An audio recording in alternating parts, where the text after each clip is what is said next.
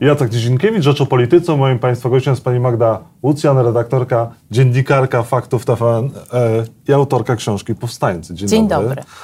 Napisałeś książkę, rozmo- przeprowadziłaś rozmowy z powstańcami, ostatnimi świadkami walczącej Warszawy. Co widziałaś w oczach swoich rozmówców, kiedy miałaś ich naprzeciwko siebie? W trakcie rozmów widziałam przeróżne rzeczy, ale przede wszystkim widziałam w tych oczach e, emocje, sprzed 75 lat. I to jest dla mnie absolutnie niesamowite, że mimo, że oni wszyscy już dzisiaj są po 90, to nie są dziadkami, staruszkami. Mhm. Oni w oczach mają tamtych młodych nastolatków, dwudziestolatków, którzy 1 sierpnia wychodzili na ulicę, często tylko z powstańczą opaską na ramieniu. E, widać w nich ten entuzjazm, gdy opowiadają o tym dniu. Oni zgodnie mówią, że to był najszczęśliwszy dzień w ich życiu widać emocje niezwykle silne, gdy opowiadają o, trage- o tragediach, których doświadczyli. Mimo tylu lat, które upłynęły, te emocje są tak samo silne, niezwykle silne i widać, że one przez lata w nich siedzą.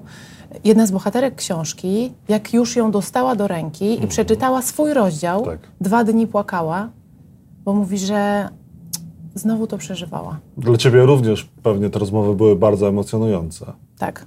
Muszę przyznać, że ciężko było mi zachować e, taki dystans dziennikarski, który pewnie jest e, oczekiwany czasem od dziennikarza. Tak. Natomiast szybko zdecydowałam, że w ogóle nie będę się e, starać taki dystans zachować, bo myślę, że to byłoby nieludzkie. Bo w momencie, gdy siada naprzeciwko mnie 90-letni mężczyzna i zaczyna płakać, to ja nie byłabym w stanie powstrzymać swoich emocji, tak? Więc ja płakałam razem z nim tak naprawdę, tak? A tylko słucham jego opowieści. Nie umiem sobie wyobrazić, co on czuje, mając to w swoich wspomnieniach. Zacznijmy od początku. Skąd pomysł, żeby przeprowadzić tego typu rozmowy? Czy w tobie było takie pragnienie, potrzeba, żeby spotkać się z tymi ostatnimi świadkami wydarzeń, które miały miejsce 75 lat temu? Punktem wyjścia jest cykl, który był emitowany u nas na antenie w TVN24. E, I pomysł tak naprawdę wydaje się jest najprostszym pomysłem by po prostu dać głos ludziom, mhm. których jeszcze mamy, którzy są, którzy mogą być żywymi pomocami naukowymi, bo tak sami o sobie mówią, żartując. Y, co roku przez opinię publiczną przetacza się debata o tym, czy powstanie było słuszne, czy było niesłuszne. Każdy uzurpuje sobie prawo do tak. wyrażania swojej opinii. Zatem rano jesteśmy ekspertami w ogrodnictwie, w lotnictwie, a wieczorem mm, od powstania warszawskiego jesteśmy ekspertami. A ja uznałam, że może po prostu tym ludziom damy powiedzieć, co przeżyli, co widzieli, co czuli. Nie tylko co się konkretnie działo, którego dnia, na której ulicy, bo to jest doskonale zdokumentowane. Ale skoro możemy ich osobiście zapytać, co nimi kierowało, to po prostu to zróbmy. Byli rozmówcy, którzy ci odmówili, którzy na przykład byli zbyt zblokowani albo nie chcieli wracać do tych przeżyć, ponieważ to wciąż jest dla nich e, bardzo żywe, dotkliwe, bolesne? Nie. Mm, w przypadku powstańców myślę, że to jest taka grupa, która bardzo chętnie opowiada o tym, co, co się działo, czego doświadczyli. Myślę, że dlatego, że oni sami decydowali o wyjściu na ulicę, czyli mieli, mieli poczucie sprawczości, mhm. a więc też jakiejś godności. E, plus wiąże się to w ich życiu z pozytywnymi wspomnieniami, przynajmniej w części. E, znacznie inaczej było, jeżeli chodzi o więźniów, e, byłych więźniów Auschwitz-Birkenau, bądź e, ludzi, którzy przeszli przez getto. Oni znacznie mniej chętnie o tym rozmawiają. Są tacy, którzy absolutnie wypierają to i nie odzywają się przez całe życie. Powstańcy bardzo chętnie o tym rozmawiali i, i chętnie też odpowiadali o te najtrudniejsze pytania. A te najtrudniejsze pytania to, czy powstanie warszawskie nie byłoby błędem? Y, na to pytanie, to, to pytanie nie jest ani dla nich trudne, ani oni nie do końca rozumieją to pytanie. Dlaczego nie do końca rozumieją? To pytanie przecież przetacza się właśnie przez tą debatę no. E, publiczną każdego roku. Tak, przetacza się przez debatę publiczną, natomiast oni, e, każdy z nich oceniają powstanie, może tak, e, oni bardzo wyraźnie rozgraniczają dwie rzeczy. Decyzję dowódców, mhm. militarną decyzję o tym, że powstanie będzie i ich moralną decyzję o tym, że oni na ulicę wyjdą. Tak? Po pierwsze mówią, my byliśmy żołnierzami, dostaliśmy rozkaz, to go wykonaliśmy. Po drugie, po pięciu latach upokorzeń, tragedii, rozstrzeliwania, kaźni gestapo, ciągłego, ciągłej obawy o to, że zostanie się wywiezionym do obozu koncentracyjnego, my po prostu czuliśmy potrzebę, by coś zrobić. I oni to rozróżniają, a wydaje mi się, że dzisiaj w debacie publicznej właśnie tego rozróżnienia brakuje, tak? Czyli my debatujemy o tym, czy powstanie było słuszne, zapominając, że są ludzie, którzy w tym powstaniu brali udział i że tego wszystkiego słuchają. A jeżeli chodzi o samą decyzję dowódców, to powstańcy oceniają ją bardzo różnie. Niektórzy skrajnie krytycznie. To prawda. Tak. Na przykład Andrzej Wiczyński, który niestety już nie żyje, on uważa, że to była fatalna decyzja, to była wielka katastrofa, która nie powinna była się wydarzyć. Jednocześnie podkreśla, że według niego powstanie i tak by wybuchło. Dlaczego? Mm, ponieważ po pięciu latach właśnie tej tragicznej niemieckiej okupacji potrzeba oddolna była ogromna. Czyli w ludziach te emocje już bu buzowały. Tak. Oni chcieli pójść do tego, do tego powstania i codziennie liczyli na to, że tego dnia akurat ono wybuchnie. Jedno to liczyli na to ci młodzi żołnierze Armii Krajowej, ale z tego, co oni opowiadają, było takie głosy też słychać wśród ludności cywilnej, która mówiła: Nie dajmy im tak po prostu odejść musimy coś zrobić. Oni nie, nie mieli perspektywy, nie wiedzieli, czy ta wojna się skończy, czy się nie skończy zaraz, tak? Mhm. My to dzisiaj wiemy. Oni tego wtedy nie wiedzieli. I też zgodnie powstańcy, bohaterowie książki podkreślają, że powstanie nie trwałoby nawet jednego dnia, gdyby nie ludność cywilna, bo to ludność cywilna im przynosiła jedzenie, ludność cywilna dawała im wodę, opatrywała ich i mówiła im, gdzie są Niemcy, którędy najkrócej dojść w dane miejsce, pomagali im na co dzień. Gdyby nie ta pomoc, pewnie oni niewiele mogliby zrobić. Twoi rozmówcy w momencie wybuchu Powstania Warszawskiego w większości byli dziećmi, w większości byli bardzo młodymi ludźmi. Skąd w nich była ta potrzeba walki, stawienia czynnego oporu, czy też po prostu pójścia na śmierć niejednokrotnie, bo taką świadomość musieli mieć? Tak, y, o to ich pytam, bo z dzisiejszej perspektywy to jest trudne do wyobrażenia sobie, tak? Gdy 15-16-letnia dziewczynka mówi mamie, że idzie. Tak. Dzisiaj to mama decyduje o tym, co robi 15-latka. A wtedy ona mówiła mamie, że idzie, a mama mówiła: Dobrze, dziecko, uważaj na siebie, ale idź. Rozumiem to, że musisz, tak? Tylko bądź z tyłu. Tak, tylko bądź z tyłu. E, rodzice zgodzili się na to, bo uważali, że taka jest powinność tego pokolenia, a oni, mm, to było pierwsze pokolenie, które się urodziło w wolnej Polsce. Pierwsze pokolenie, które od początku w szkołach było kształcone z ogromnym naciskiem właśnie na niepodległość, na y, naukę o naszej historii, języku polskim. Jakby oni w tym wyrastali i w domu, i w szkole. I wszyscy to podkreślają, że takie patriotyczne, y, niepodległościowe wychowanie to była ich codzienność i dla nich to było oczywiste. Czyli te wartości ich niosły tak naprawdę. Tak, dokładnie tak. Te dzieci, bo tak o nich można mówić, szły do boju, szły na może i pewną śmierć z cyjankiem e, u boku. To jest coś absolutnie niewyobrażalnego, że te wartości, te pragnienia e, tak bardzo wtedy ich niosły. Mam wrażenie, czy oni może mają wrażenie, że to pokolenie dzisiejsze jest tak drastycznie inne od tego, jakie było wtedy? Jak oni postrzegają dzisiaj w ogóle Polskę i młodych ludzi? Każdego z rozmówców pytam na koniec i o przesłanie do młodych, i o to, jak oni widzą dzisiejszą Polskę. Mm, ich refleksje są dosyć gorzkie, niestety, natomiast oni nie, nie, nie są bardzo tacy otwarci w ocenianiu młodego pokolenia mówią, że szczęśliwie nie jesteśmy sprawdzeni tak, jak oni zostali sprawdzeni. Tak?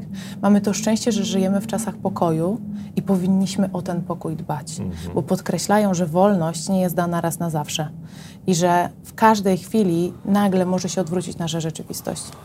Wielu e, Polacy interesują się bardzo historią, interesują się powstaniem warszawskim. Myślę, że ci, którzy sięgną po tę właśnie książkę, odnajdą tutaj wiele informacji, które, e, które, które znają, które, które, z którymi się wcześniej już spotkali, ale właśnie te przesłania są czymś absolutnie unikatowym. E, twoi rozmówcy mówią, czy też dają rady, bardzo niechętnie, tak jak mówisz, bardzo powściągliwie, kolejnym pokoleniom co najczęściej się przewija w, tych, w tym przesłaniu? Mhm. Tak jak mówisz, oni właśnie nie chcą wchodzić w rolę moralizatora i gdy ja ich pytałam o to przesłanie, oni byli odrobinę skrępowani, tak? tak? Czy na pewno, czy, czy na pewno młodzi ludzie chcą nas słuchać?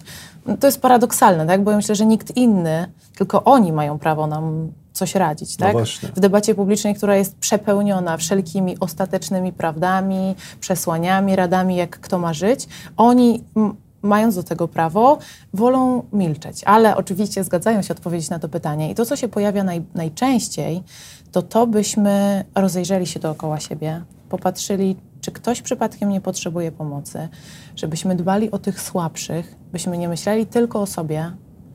E, I myślę, że to jest bardzo ważne. E, To mówi Anna Jakubowska i to mi osobiście bardzo zapadło w pamięć, byśmy mieli odwagę cywilną w codziennym życiu. I szczególnie dzisiaj to jest bardzo potrzebne. I ci twoi rozmówcy mają tę odwagę cywilną. Wanda Traczyk-Stawska e, miała energię, miała siłę, żeby stanąć po stronie słabszych osób e, niepełnosprawnych, opiekunów osób niepełnosprawnych w Sejmie. Nie została wtedy wpuszczona e, do Sejmu. Edmund Baranowski, Jur mówi, wolność nie jest dana raz na zawsze i trzeba o tym pamiętać. Skąd w nich jest ta siła, ta energia? To są, tak jak wspomniałeś, 90-95-letni e, ludzie, no oni odpo, odpo, odpo, od, odpowiadają ci bardzo energicznie, bardzo, bardzo żywo, bardzo mądrze przede wszystkim. Skąd nich ta siła, energia? Sama nie wiem, przy pracy nad tą książką codziennie się nad tym zastanawiałam. Najstarszy rozmówca ma dzisiaj 105 lat i jest w no, doskonałej formie, szczególnie jak na ten wiek. Nie wiem, ja osobiście myślę, że oni są ulepieni z innej gliny po prostu i, i, i są jacyś wyjątkowi. Tak? Nie umiem odpowiedzieć na pytanie, skąd w nich tyle energii, ale jest to zabójcza energia. Każde z tych przesłań zawarte w tej książce jest niezwykle ważne, bardzo ważne i ja bardzo Państwu polecam, żeby właśnie do tych przesłań chociażby sięgnąć, bo są, e, no myślę, że są wskazówkami dla każdego z nas. Powiedz mi, a jak Ty czułaś się e, rozmawiając z tymi ludźmi e, starszymi, tak bardzo doświadczonymi przez życie? Ty, przepraszam, osoba młoda, to było takie chyba duże starcie. Jak oni Ciebie też traktowali? Traktowali Cię troszkę może z góry? Nie, z góry absolutnie nie. Zależało mi na tym, by była ta bardzo wyraźna różnica wieku, pokoleń. Mi osobiście zależało, żeby oni mnie traktowali trochę jak wnuczkę, by oni o tych najtrudniejszych sprawach opowiadali najprostszymi słowami, jakimi mogą. I mam nadzieję, że to się udało. Być może nie każdy wchodził w tę rolę, ale niektórzy mówią do mnie, córciu, Magduniu, tak, dziecko moje drogie. E, Więc y, Chciałam, żeby oni mówili właśnie do młodych ludzi, żeby nie wchodzili w ton zbyt oficjalny, bo z tych oficjalnych e, uroczystości mamy e, możliwość poznawać powstańców, a właśnie nie znamy ich od tej najbardziej ludzkiej, codziennej, zwyczajnej strony. I chciałam, żeby od tej strony ich poznać. A jak dzisiaj im się żyje? Czy w ogóle Polska, państwo o nich pamięta, pamiętała przez... E, wiemy, że przez ostatnie lata tak. Często mówi się o Powstaniu Warszawskim, w szczególności w okolicach 1 sierpnia, ale jak to wyglądało jeszcze 10 lat temu, 15 lat temu, 20, 30? Czy oni mieli wsparcie, czy im żyje się e, trudno, nawet jeżeli dzisiaj troszkę lżej? Myślę, że najlepszą odpowiedzią na to jest to, że co roku jest organizowana zbiórka na tych najbardziej potrzebujących powstańców i ona nadal jest potrzebna, a to jest zbiórka po prostu na zapomogi finansowe, na to, by mieli pieniądze na święta, na to, by mieli pieniądze na życie. Więc y, oczywiście sytuacja jest różna w zależności od przypadku, tak? Natomiast y, oni mówią, że pamięta się o nich głównie dzisiaj, tak? Czyli w te rocznice, dwa To dni jest bardzo przed. smutne. Tak, to jest smutne. Na co dzień się o nich nie pamięta. To mówią oni. Osoby bardzo skromne, osoby, które wciąż od siebie wymagają, również e, fizycznie. To są chociażby takie dwa fragmenty, gdzie umawiasz się z jednym e, z rozmówców i chcesz wysłać samochód, taksówkę, a twój rozmówca ci mówi, że sam da radę dojść, dojechać. A do innego rozmówcy wchodzicie na trzecie piętro w bloku, gdzie cała ekipa jest e, zsapana, Zdyszana. a, zdyszana, a, a twój rozmówca mówi, że tak codziennie kilka razy pokonuje właśnie ten, Od 60 ten, ten, kilku ten lat. dystans. My możemy robić wielkie oczy, ale oni chyba zasłużyli na y, większe wsparcie i pomoc. Nie masz takiego wrażenia od państwa chociażby? Od kilku lat mam takie przekonanie i tyczy się to nie tylko powstańców, ale i tych, którzy zostali wyróżnieni medalem Sprawiedliwych wśród Narodów Świata i byłych więźniów Auschwitz i wszystkich ludzi, którzy w sposób drastyczny zostali dotknięci przez wojnę. Tak, myślę, że należy im wszystkim się wsparcie większe. A, a jaka jest według Ciebie pamięć o powstaniu warszawskim dzisiaj wśród Polaków? Jak, Jak to powstanie jest oceniane? I też jakie, jakie oni mają poczucia? Oni się czują bohaterami, czy też oni czasami muszą się tłumaczyć z tych swoich wyborów? Na pewno nie czują się bohaterami. To, to jest pewne, ich krępuje w ogóle nazywanie ich bohaterami. Oni mówią, że po prostu stanąłem przed takim wyborem i podjąłem taką decyzję, nie wyobrażam sobie, bym mógł podjąć inną, dzisiaj zrobiłbym to, to, to samo. E, Więc bohaterami się nie czują i to też wiele o nich mówi. Tak? Bo myślę, że jak nikt inny, oni mogą czuć się bohaterami, bo ryzykowali własne życie dla nas, bo nie robili tego dla siebie. E, Co też jeden z rozmówców podkreśla, cała Armia Krajowa to było wojsko ochotnicze. Tak? Oni to robili z czystego altruizmu. Tak? Z myślą o następnych pokoleniach, bo wiedzieli, że oni mogą zginąć, bo naokoło ginęli. Tak? Więc y, to jest główne ich przesłanie. Dzisiaj jest kult wokół żo- żołnierzy wyklętych. Jakoś o żołnierze HK mówi się mniej, pamięta się mniej. Może w okolicach tego 1 sierpnia tak jest. Myślisz, że to uczciwe? Myślisz, że to sprawiedliwe? Ja nie chcę wchodzić w rolę. Ja, ja też nie chciałam, żeby ta książka była polityczna. Y, Właśnie ja chciałam odsunąć od całej tej y, debaty, rozmowy, ważenia, która grupa. Myślę, że to, co możemy dla nich zrobić, to poznać ich historię. I do, tego. I do tego zapraszamy powstańcy ostatni, świadkowie wi- walczącej Warszawy. Magda Łucjan rozmawiała z bardzo ważnymi rozmówcami i warto do, sięgnąć do tej książki i przeczytać przede wszystkim przesłanie, które oni mają dla Państwa, dla nas, dla wszystkich. Magda Łucjan raz jeszcze, e, Fakty TVN była Państwa i moim gościem. Dziękuję za rozmowę. Dziękuję.